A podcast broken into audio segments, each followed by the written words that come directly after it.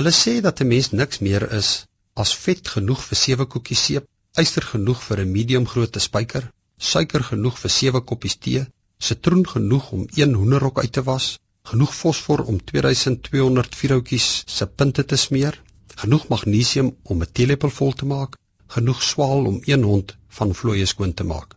Wel, met 'n beskrywing soos hierdie is dit nie verbasend dat die meeste mense swak en betekenloos voel en dit aan ander oorlaat om die wêreld te verander nie. Ons kan slegs effektief wees wanneer ons tot die besef kom dat ons individuele lewens betekenisvol is en dat ons 'n verskil kan maak. Die besef dat God in ons is en dat Christus vir ons is, het diep implikasies. Daar is krag in een. Indien ons die lewe aanvaar soos dit is en glo dat niks sal verander deur my bydra nie, dan sal ons lewe nie veel van 'n verskil maak nie.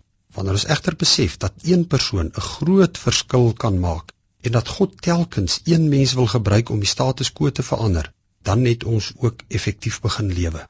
Die krag van een lewe moenie onderskat word nie.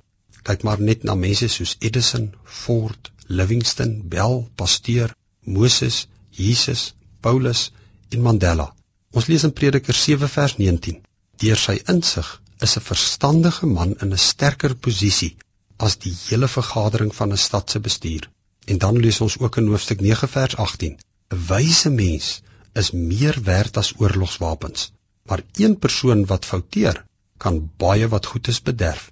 Die krag van een om uit te bou of te vernietig is dus merkwaardig. Moenie onderskat wat jy vir God kan doen nie.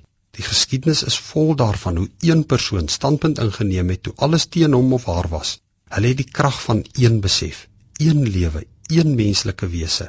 Wat is ons eintlik as ons daaraan dink? Stof. Ja, maar geweldige potensiaal vir verandering en genesing wanneer ons dink daaraan wat God deur ons wil doen.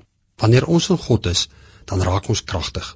In Deuteronomium 32 vers 30 vra God vir Israel of hulle daaraan sal dink hoe kragtig hulle is omrede van hom. Hoe kan een mens 1000 van hulle jaag en hoe kan twee mense 10000 laat vlug as hulle rots hulle nie verkoop en die Here hulle nie oorgelewer het nie. Saam met God is ons 'n meerderheid en beskik ons oor buitengewone krag. God wil ons gebruik. Hy gebruik mense om sy doelwitte te bereik. Die vraag is, is ons beskikbaar, nie of ons perfek is nie.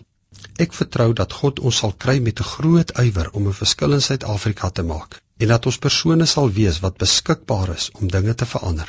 Die gebed wat ons almal moet bid, is dan ook: Laat U wil ook op aarde geskied, net soos in die hemel. Dis God se wil dat ons nasie moet lewe soos hy dit bedoel het.